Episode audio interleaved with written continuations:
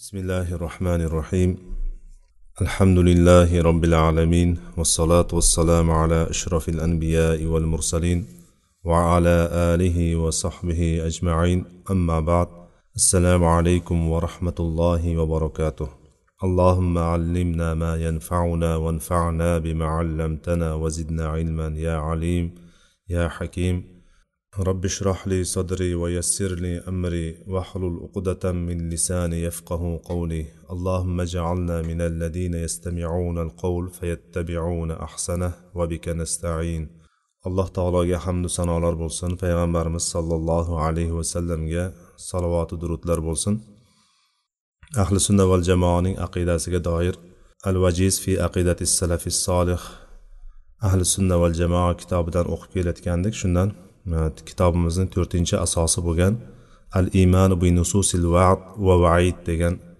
bo'limda edik ya'ni kitobning to'rtinchi asosi va'da berilgan ya'ni e, mo'minlarga va'da berilgan yoki savob ajr olishlikka va'da berilgan hamda kofirlarga munofiqlarga mushriklarga do'zax bilan ogohlantirilgan tahdid qilingan va yoki bo'lmasam gunoh va gunoh ishlarni fisq ishlarni zulmlarni qilganlarga bo'ladigan bo'lsa jazo berilishligini e, va'da qilingan xabarlar oyat va hadislarga iymon keltirishlik haqidagi bobda davom etayotgandik. Shundan ahli sunna e, val jamoa ahli qibladan biron bir kishini ahli qibla deganimizni bilamiz. Ahli qiblani ichiga hamma musulmonlar kirib ketadi. Unga qaysi toifa qaysi firqa bo'lishligidan qat'iy nazar kabaga qarab turib namoz o'qiyotgan kim bo'lishligidan qat'iy nazar e'tiqodiyu amaliyu rangiyu irqiyu kim bo'lishidan qat'iy nazar hammasini ahli qibla deymiz.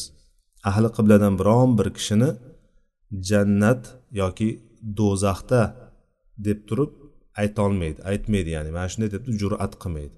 Kim bo'lishidan qat'iy nazar? Ahli qibladan biron bir kishini jannatiy yoki do'zaxiy deb turib birontasiga aytmaydi shunday deb turib.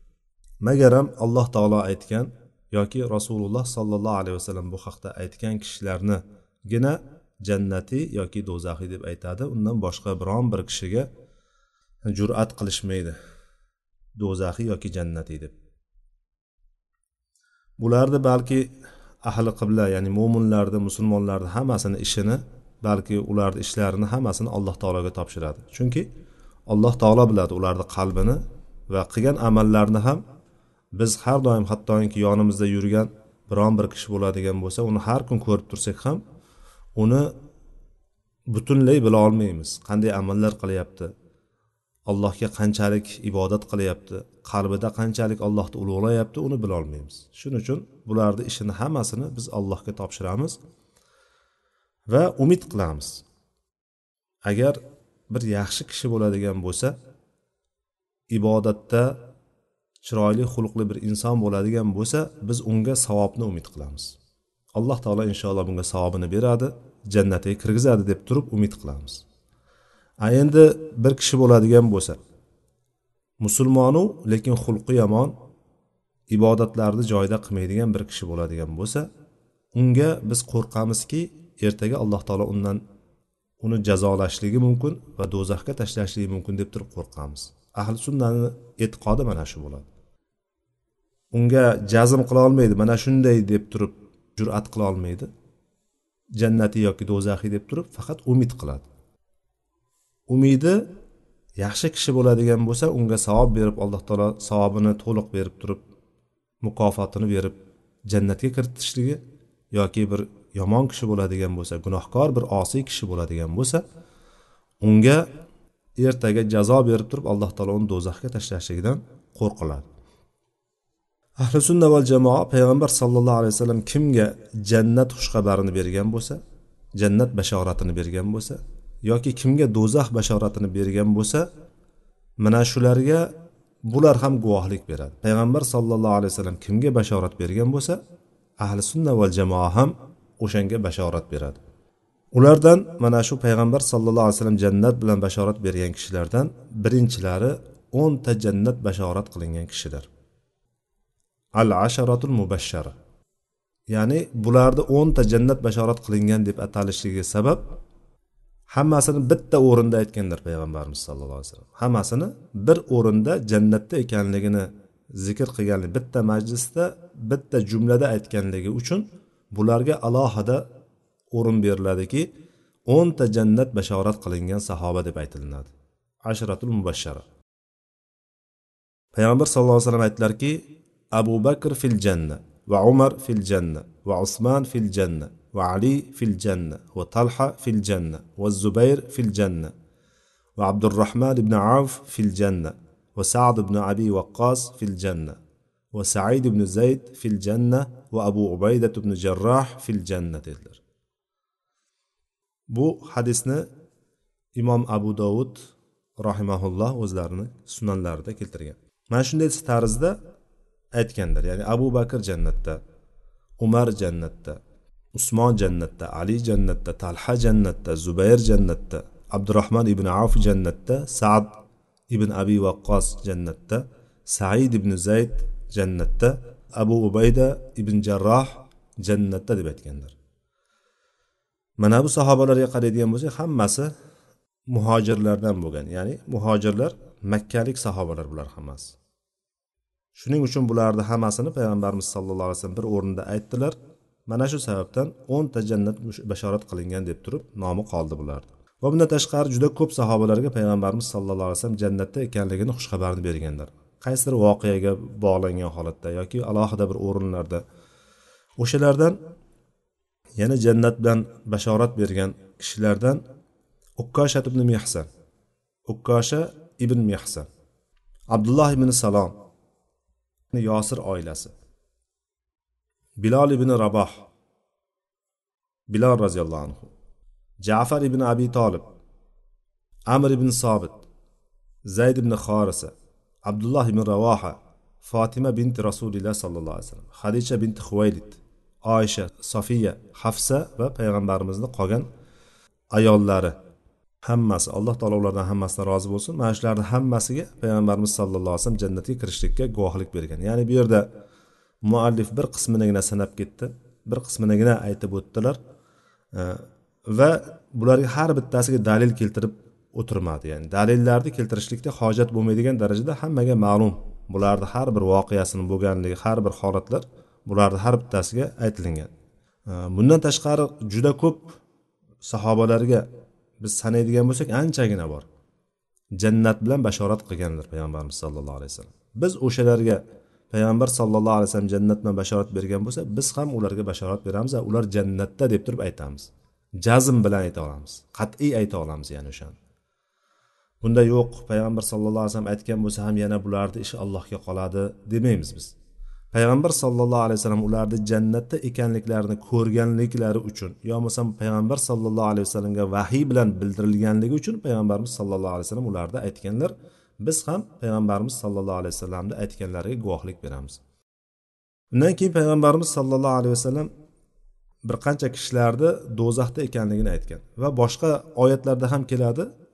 Xabarlarda do'zax ahlidan bo'lgan ba'zi bir shaxslar biz o'shalarni ham do'zax ahlidan deb turib e'tibor qilamiz va o'shalarga iymon keltiramiz. O'shalarning do'zaxda ekanligiga biz ham guvohlik beramiz. Ulardan abu lahab.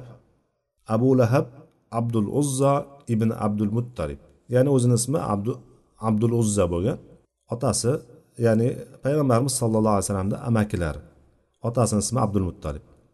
Abu lahab nomi bilan hamma taniydigan o'sha abu lahab nomi bilan tarqalgan tanilgan kishi abdul uzza ibn abdul muttalib uni xotini ummu jamil arvo binti harb abu jahl umayat ibn halaf va ubay ibn halaf va abdulloh ibn ubay ibn salul va bundan boshqa bir qanchalari haqida ma'lumot berilgan qur'onda yoki hadisda bizda dalillarimiz bor. Ularni do'zaxda ekanligiga o'shalarni qasddan aytishligimiz mumkin. O'shalar do'zaxda aniq deb turib yo bo'lmasam tarixda kitobda boshqa o'tgan bu ummatdan oldin o'tgan kishilarni ishda masalan fir'avnlarni bilamiz homonni bilamiz qorunni bilamiz shunga o'xshash e, bir qancha insonlarni do'zaxda ekanligini qasd qilib ayta olishligimiz mumkin jazm qilib ayta olishligimiz mumkin.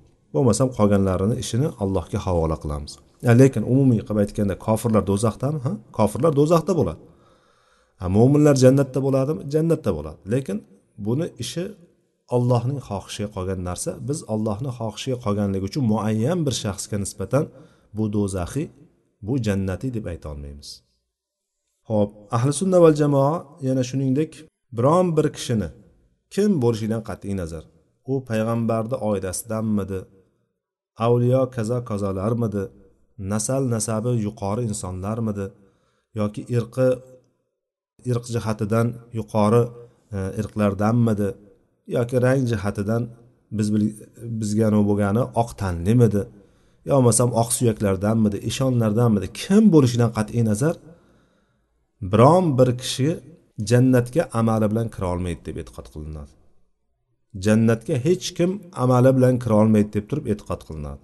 Ya'ni tinimsiz ibodatda bo'lgan boshi sajdadan ko'tarilmaydigan sajdagohni joy namozni peshonasi bilan sajda qilaverganligidan joy namoz teshilib ketadigan kishilar bo'lishidan qat'iy nazar ular amali bilan jannatga kira olmaydi hech kim. Mana shunday deb e'tiqod qilinadi. Jannatga kirishlikni birdan bir sababi alloh taolo o'zini fazl marhamati bilan rahmati va o'zining saxovati karami bilan agar o'sha kishini burkab tashlamaydigan bo'lsa o'sha kishini ya'ni rahmatiga olmaydigan bo'lsa hech kim jannatga kira olmaydi. Jannatga kiruvchilar faqatgina alloh taoloni rahmati va ehsoni bilangina kiradi. Shuning uchun alloh taolo aytadiki valavla fadlullohi alaykum va rahmatuhu ma zaka minkum min ahadin abadan valakinnalloha yuzakki man yasha vallohu samiun alim deydi. Agar allohning sizlarga bo'lgan fazl marhamati bo'lmaganda edi sizlardan biron bir kishi hech qachon o'zini gunohlardan poklay olmasdi. Gunohlardan chirkin ishlardan o'zini poklay olmasdi. Balki alloh taolo o'zi xohlagan kishilarni poklab qo'yadi gunohlardan shirkdan gunoh boshqa gunoh ishlardan alloh taoloni o'zigina poklab qo'ya oladi. Vallohu samiun alim. Alloh taolo eshitguvchi bo'lgan har narsani bilguvchi bo'lgan zotdir. Ya'ni faqat alloh taologina bizdan gunohlarni uzoq qilishligi mumkin. Alloh taologina bizni butun shirk kufr zulm nifoq bo'lgan chirkinliklardan bizni tozalashligi mumkin poklay olishligi mumkin. Bo'lmasam inson o'zini o'zi men shulardan qutulib olayda bir harakat qilayda qutulib olay deb turib o'zidan o'zi bu narsani qila olmaydi. Faqatgina olloh xohlab turib olloh uni e, xohlagan kishilardan o'zi o'sha narsani nasib qilsagina bo'ladi. Shuning uchun bizga berilgan bu ne'mat hidoyat ne'mati eng katta ne'matlardan biriki biz uni o'zimiz bizni aqlimiz zo'r bo'lganligi uchun boshqalardan ko'ra ustun bo'lganligimiz uchun bu narsani bu narsaga ega bo'lmadik. Alloh taolo xohladi. Alloh taolo bizga fazl marhamatini ko'rsatdi. Biz o'shan bilan musulmon bo'ldik. O'shan bilan ibodatdamiz. Allohga hamdu sano aytishligimiz kerak shuning uchun. Biz o'zimizni hargiz o'zimiz bu yo'lga yurolmasdik. Mana shuning uchun alloh taologina qiladi mana shu oyatni muallif bu yerda dalil o'rnida keltiryapti. Va qola nabiy sollallohu alayhi vasallam payg'ambar sallallohu alayhi vasallam aytdilarki ma min ahadin yadkhulu amaluhul janna biron bir kishini amali jannatga olib kira olmaydi dedi. Biron bir kishi jannatga amali bilan kira olmaydi yoki boshqacha qilib aytadigan bo'lsak hadisdagi lafzi bo'ladigan bo'lsa biron bir kishini amali jannatga kirgiza olmaydi. Ya'ni bizni jannatga kirgizadigan narsa o'zi qilgan dunyodagi amallarimiz. Alloh taolo o'sha amallarimizga ko'ra bizni hisob kitob qiladi. Yo jazo yo mukofot beradi. Shunda payg'ambarimiz sallallohu alayhi vasallam shu gapni aytganlarida sahobalar aytishdiki vala anta siz hammi yo rasululloh siz ham amalingiz bilan jannatga kira olmaysizmi? dedi. Shunda payg'ambar sallallohu alayhi vasallam aytdilarki vala ana dedi. Men ham hattoki dedi. Hatto men ham amalim bilan jannatga kira olmayman dedi. Ya'ni allohning payg'ambari ertayu kech ollohning zikrida bo'lgan ollohni da'vatini yetkazishlikda tinimsiz harakat qilgan kishi va ibodatlarni eng go'zal suratda allohni ko'rib turgandek ehson sifat bilan qilgan kishiki amali bilan jannatga kira olmayaptimi? Endi qolganlarni umuman gapirmasak ham bo'laveradi. Shunda faqat bitta shartda aytdilar. Illa yoki bu yerdagi rivoyatda illa ayyatag'ammadani robbi bi rahmatin dedilar. Robbim menga o'zini rahmati bilan o'zini rahmatini qoplab qo'yadigan bo'lsa robbim meni rahmati bilan o'rab oladigan bo'lsa ana o'shandagina men jannatga kira olaman dedi. Ya'ni rahmatsiz allohning rahmatisiz jannatga hech kim kira olmaydi ekan. Allohning rahmati u kishini shunday o'rab olgandan keyingina kiradi. Ya'ni rahmat bilan burkab tashlasagina kira olaman deganida bu yerda. Ya'ni biroz lafzlardagi mubolag'a borki alloh taolo rahmatini menga to'liq tushirmaydigan bo'lsa men jannatga kira olmayman dedilar. Bu rivoyat imom muslimning rivoyatlari.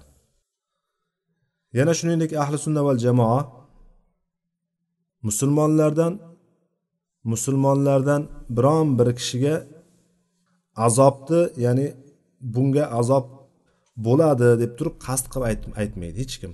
Ya'ni magaram kufrni taqozo qiladigan bir ish qilmagan bo'lsa kufrni taqozo qiladigan ish qilmagan bo'lsa yoki gunohlarni halol deb qilmaydigan biron bir kishi bo'lsa musulmonlardan ya'ni gunohkor osiy bir kishi bo'ladigan bo'lsa kufrga chiqib qolmagan yoki bir gunohni halol deb qilmaydigan kishi bo'ladigan bo'lsa bu fosiq bo'ladi ya'ni. Shunday bir kishi bo'ladigan bo'lsa o'shanga qarata bunga azob vojib bo'ladi deb turib aytmaydi. Balki uning ishini alloh taolo agar biron bir toat qiladigan bo'lsa chunki uni sabablari borda nimaga bunga azob vojib bo'ladi bu aniq azob ko'radi deb aytmaydi. Sababi chunki alloh taolo unga bir toat amal qilishlikni nasib qilishligi mumkin. Bir ibodatni bir toat alloh yaxshi ko'rgan bir amalni qilishlikni nasib qilishligi mumkin. Yoki ertaga unga bir shafoatchilar shafoat qilishligi mumkin. Chunki u ollohni bir deb ibodat qiladiyu lekin gunohkor banda shunga balki bironta shafoatchini shafoati tegishligi mumkin. Yoki ertaga u balki tavba qilishligi mumkin o'sha qilgan gunohlaridan tavba qilishligi mumkin. Yoki unga bir alloh taolo ba'zi bir musibatlarni jo'natishligi mumkinki o'sha musibatlar bilan uni qilgan ishlari gunohlari hammasi yuvilib ketishligi mumkin. Yoki ba'zi bir kasalliklarni berishligi mumkinki o'sha kasalliklari bilan undagi gunohlar hammasi to'kilib ketishligi mumkin. Mana shu sabablarga ko'ra bironta bir osiy kishi bo'ladigan bo'lsa gunohkor kishi bo'ladigan bo'lsa musulmonlarni ichida modomiki kufr ishlarni qilmayotgan bo'lsa ochiq kufr ishlarni qilmayotgan bo'lsa va o'sha gunohni halol deb qilmayotgan bo'lsa unga biz bu mutlaqo do'zaxga tushadi deb turib aytolmaymiz ekan alloh taolo aytdiki قل يا عبادي الذين اسرفوا على انفسهم لا تقنطوا من رحمه الله إن الله يغفر الذنوب جميعا إنه هو الغفور الرحيم payg'ambarimiz sollallohu alayhi vasallamga alloh taolo shunaqa dediki ayting ey muhammad ey o'z jonlariga jabr qilgan bandalarim deng debdi ya qul ya ibadiyalladina asrafu ala anfusihim alloh taolo aytyaptiki bandalariga qarata ey mening o'zlarini jonlariga jabr zulm qilib qo'ygan bandalarim allohning rahmatidan noumid bo'lmanglar. Allohni rahmatidan uzilib qolmanglar ya'ni undan noumidlikka tushib qolmanglar. Chunki alloh taolo barcha gunohlarni mag'firat qiladi. Barcha gunohlarni kechiraveradi. Albatta u alloh taoloni o'zigina mag'firat qiluvchi va rahim bo'lgan mehribon zotdir. Ya'ni barcha gunohlarni kechiraveradi incha biz bilamiz kufrni shirkni qo'ya olmaymiz. Chunki innalloha la yag'firu ay yushraka bihi va yag'firu ma duna zalika liman yasha oyatini o'qigandik. Ya'ni alloh taolo shirkdan boshqa gunohlarni kechiradi lekin shirkni kechirmaydi degan gunoh anavni bilamiz biz qoidani bilamiz. Bu oyatni narigi o'sha oyat bilan birga tushunamiz. Va alloh taolo boshqa oyatda aytyaptiki valillahi ma fis samavati va ma fil ard yaghfiru liman yasha va yu'azzibu man yasha vallohu g'afurur rahim.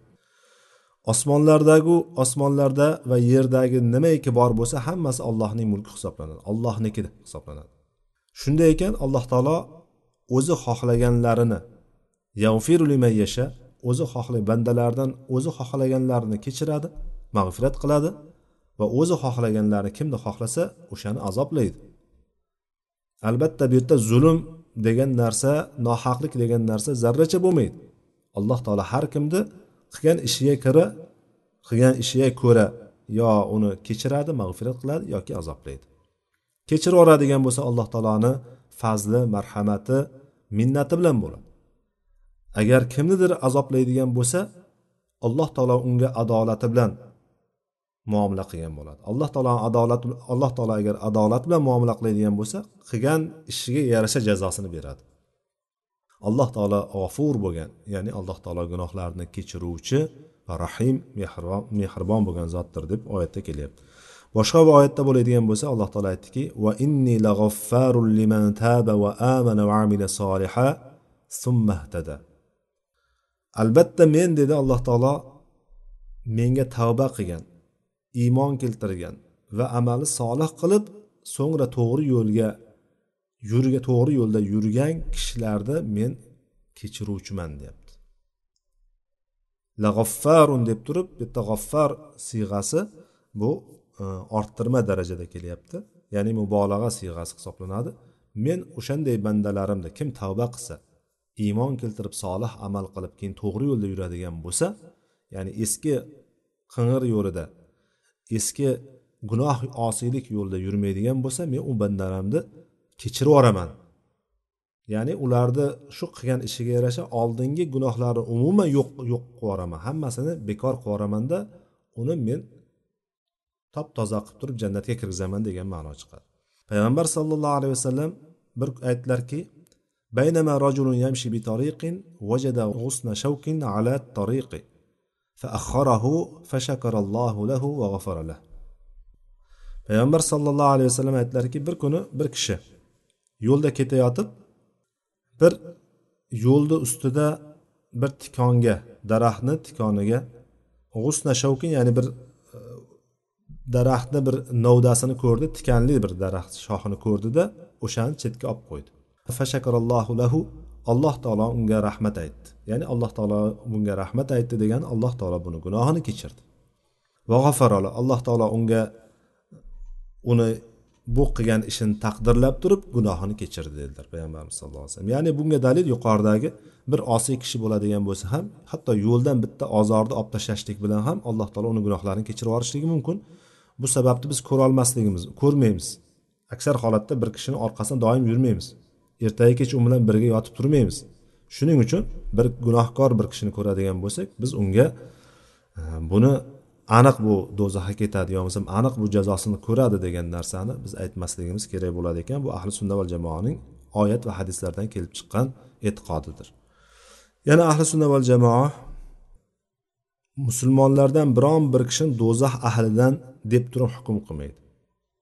Muayyan bir kishi haqida gapirilyapti endi.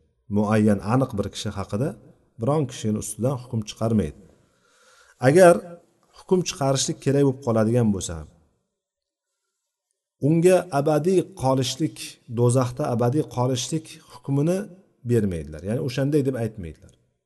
Masalan bir kishiga aslida bir kishini do'zax ahlidan deb turib musulmonlardan bir kishini do'zaxda deb turib aytmaydi. Endi aytishlik o'rni kelib qoladigan illo aytishlik kerak shu narsani.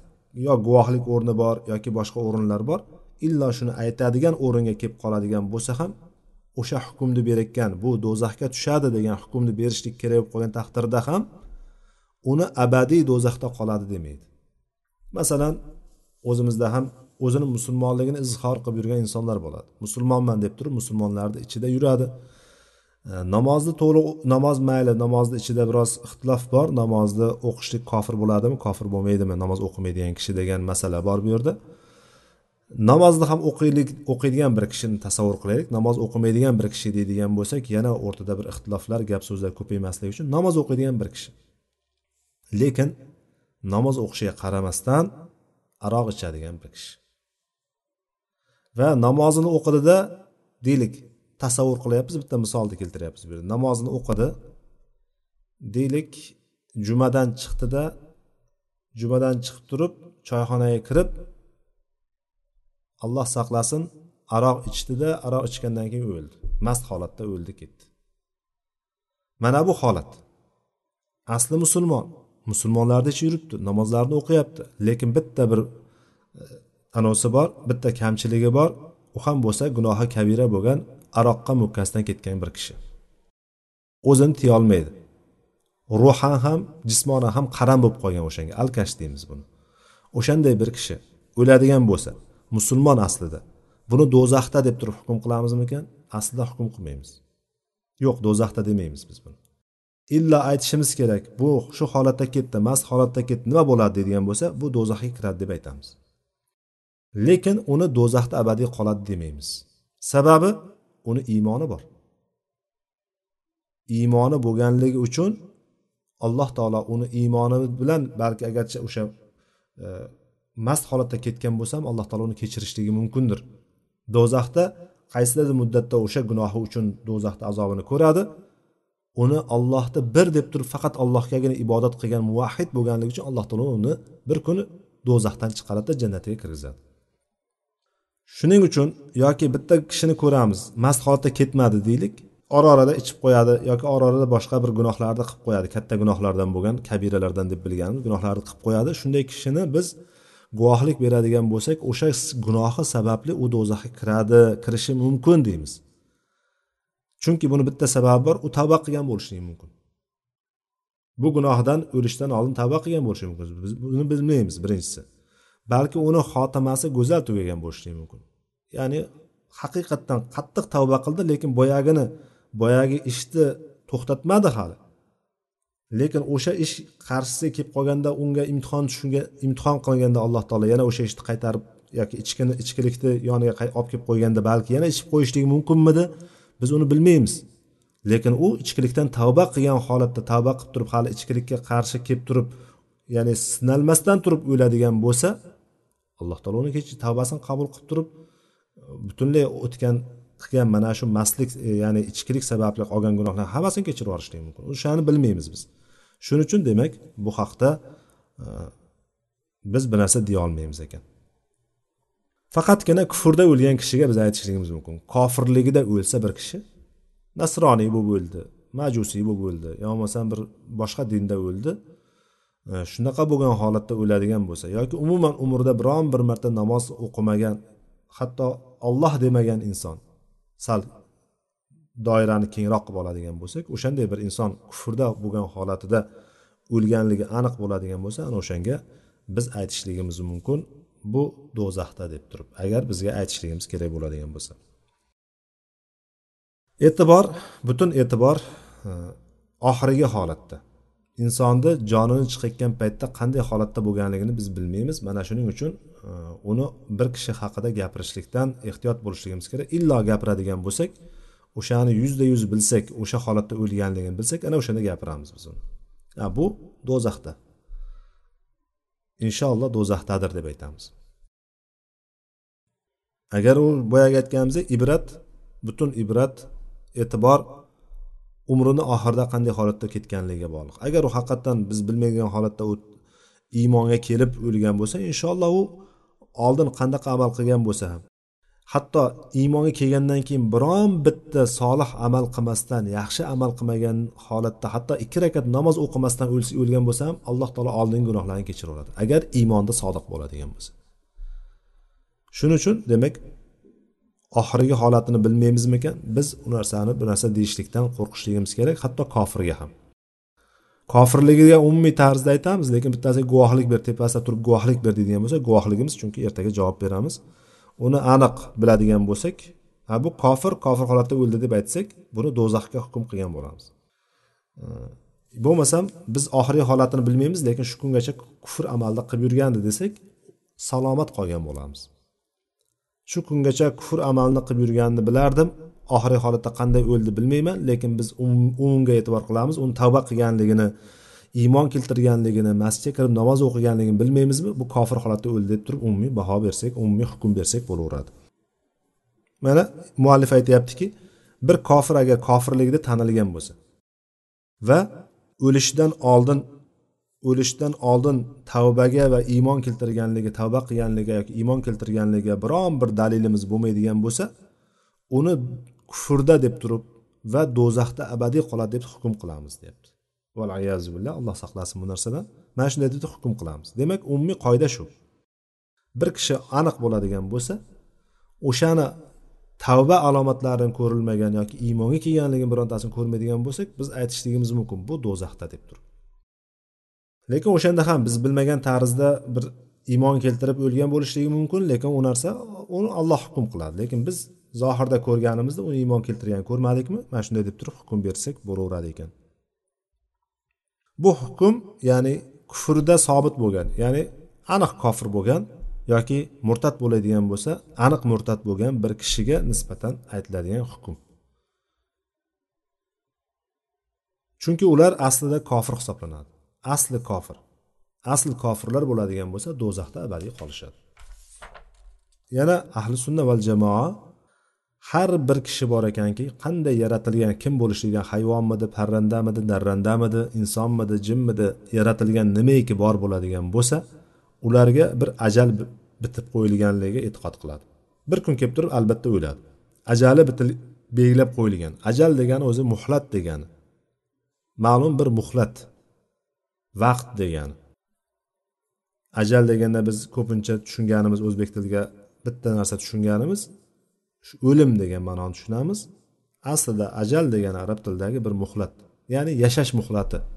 O'sha muhlat tugagan paytda ajali keladi deb turib aytsak bo'ladi. Har bir maxluqqa shu bitilgan. Har bir nafs bor ekanki illo allohning izni bilan belgilangan vaqtda albatta o'ladi kim bo'lishidan qat'iy nazar allohini belgilab qo'ygan izni bilan o'ladi ya'ni kimnidir mashina urib ketib o'layotgan bo'lsa bu ajaldan oldin o'ldi ajaldan besh kun oldin o'ldi yo bo'lmasa ajaldan oldin o'ldi degan gap bizni xalqimizni o'rtasida tarqalgan gap bu bekor gap. Bu noto'g'ri gap. O'shani mashina urib o'lib o'lishligi yo bo'lmasam yosh bolani biron bir tepadan yiqilib tushib o'lib qolishligi yoki boshqa boshqa har qanday o'lim holati sodir bo'ladigan bo'lsa albatta alloh taoloni yozib qo'ygan vaqtida allohning izni bilangina sodir bo'ladi. Chunki hech kim hech bir kimsa yoki hech bir maxluq jon olishga qodir emas. Hech kim jon ololmaydi faqatgina alloh taolo bitgan narsa bilangina u u kishi jonini kim bo'lishidan qat'iy nazar o'sha kishi jonini berishligi mumkin bo'lmasam e, o'lmaydi. Shuning uchun tegirmonga tashlaganda tegirmonni ichidan tirik chiqadiganlar bor. Butun hamma tomon yonib ketganda tirik qolganlar bor. Portlab ketganda hech kim qolmaydi hech narsa qolmaydi ba'zilar tirik qolgan odamlar bo'ladi. Uch kunlab to'rt kunlab bir haftalab tuproq tagida boyagi bosib qolgan portlagandan keyin bosib qolgan zdaniyalar tagidan bolalarni yoki odamlarni chiqarib olyapti. Ularni hali ajali kelmabdimikan? Alloh taolo ularga o'limni bitmabdimikan? Ular yashaydi hali. Mana bu holatlar ya'ni g'ayrioddiy bir holatlarni kunimizda har kun har soatda ko'rib turibmizu lekin hali ham bo'lsa insonlar ko'pchilik e, noto'g'ri tushunchalari bo'ladi. Ya'ni o'lim allohni izni bilangina keladi. Undan olloh belgilab qo'ygan soatdan ya'ni vaqtdan soat deydigan bo'lsak soat biroz e, kengroq ma'noni olishligi mumkin bir vaqtdan. Alloh taolo bir vaqtni belgilab qo'ygan bo'lsa o'sha vaqtdan. Oldinga ham keyinga ham siljimaydi bu. O'sha vaqtda olinadi o'sha soniyada olinadi joni u xoh o'lgan bo'lsin xoh o'ldirilgan bo'lsin farqi yo'q uni. Alloh taolo aytadiki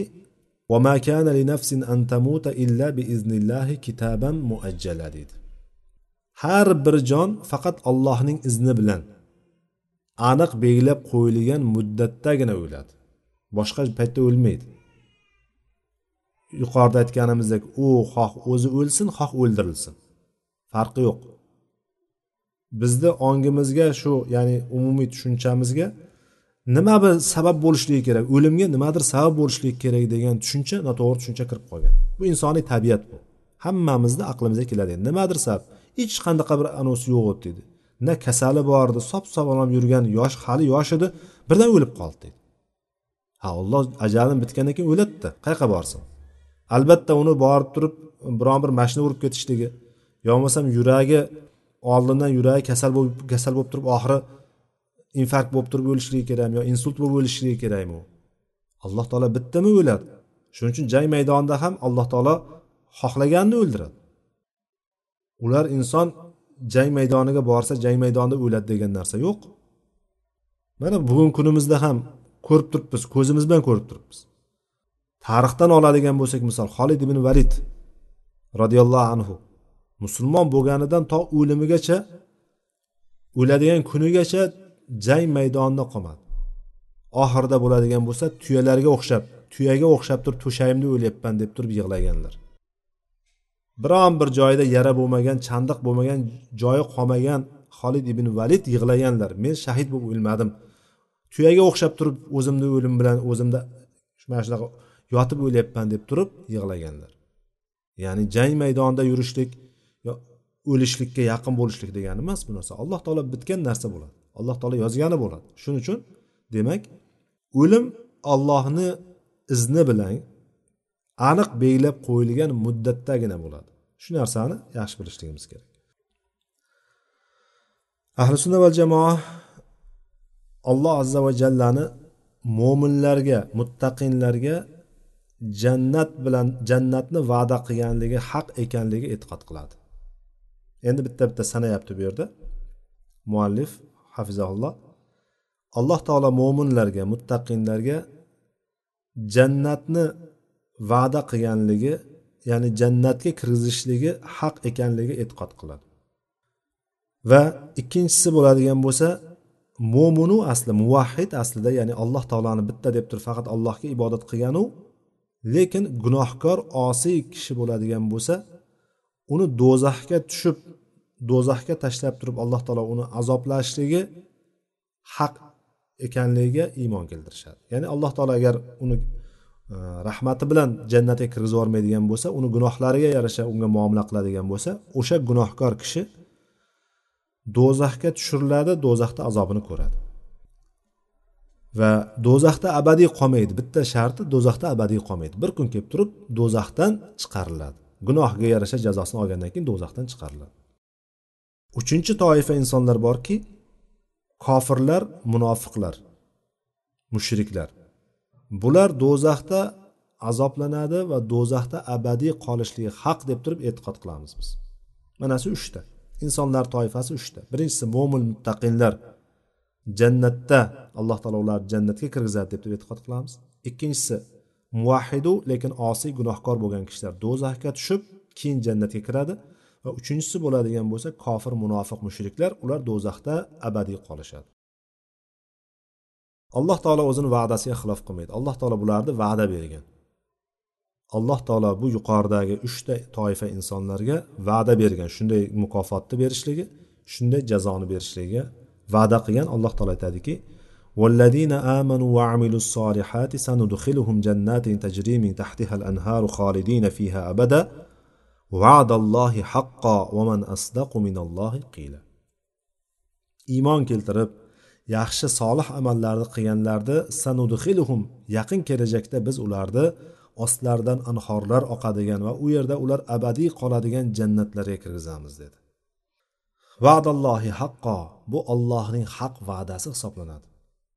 Allohning haq va'dasidir. Vaman asdaqu minalloh. Qiyla ollohdan ko'ra rostgo'yroq kim bor deyapti alloh taolo. Ya'ni ollohdan ko'ra rostgo'yroq hech kim yo'q. Shu bilan birga alloh taolo osiy bo'lgan bandalarga gunohkor bo'lgan muvahhidlarga musulmonlarni ichidagi osiy bandalarga kechirishlikni va'da qilgan. O'zini fazli marhamati rahmati bilan alloh taolo kechirishlikni va'da qilgan. Yoki bo'lmasam shafoatlarni shafoatchilarning shafoati tegishligini ularga nasib qilishligi mumkin. Va shuning uchun ulardan biron bir kishi ya'ni osiy bo'lgan mo'minlardan biron bir kishi gunohkor bo'lgan kishilar bular do'zaxda abadiy qolishmaydi. Bir kun kelib turib do'zaxdan chiqadi. Alloh taolo bu haqda shunaqa dediki innalloha la yag'firu an yushraka bihi va yag'firu ma duna zalika liman yasha degan oyatni bu yerga dalil qilib keltirdi. Alloh taolo o'ziga biron bir narsani sherik qilinishligini hech qachon kechirmaydi. Undan boshqa shirkdan boshqa gunohlar bo'ladigan bo'lsa o'zi xohlagan bandalari uchun alloh taolo kechiradi. Bu niso surasida kelgan oyat shu bilan va'da va vaid ya'ni va'da berilgan xushxabar berilgan va vaid tahdid qilingan oyatlar va hadislar haqidagi kelgan bo'limimiz nihoyasiga yetdi. Inshaalloh keyingi suhbatimizdan beshinchi asosga to'xtaymiz. Bu al muvalat val muadat degan bo'lim ekan. Ya'ni do'stlashishlik va do'stlik va dushmanlik e, asosi ekan. Inshaalloh keyingi darsimizdan davom ettiramiz. Alloh taolo eshitgan o'rgangan ilmlarimizga amal qilishlikda hammamizga tavfiq bersin. darslarimizga o'zi baraka bersin va davomli qilsin واخر دعوانا ان الحمد لله رب العالمين سبحانك اللهم وبحمدك اشهد ان لا اله الا انت استغفرك واتوب اليك والسلام عليكم ورحمه الله وبركاته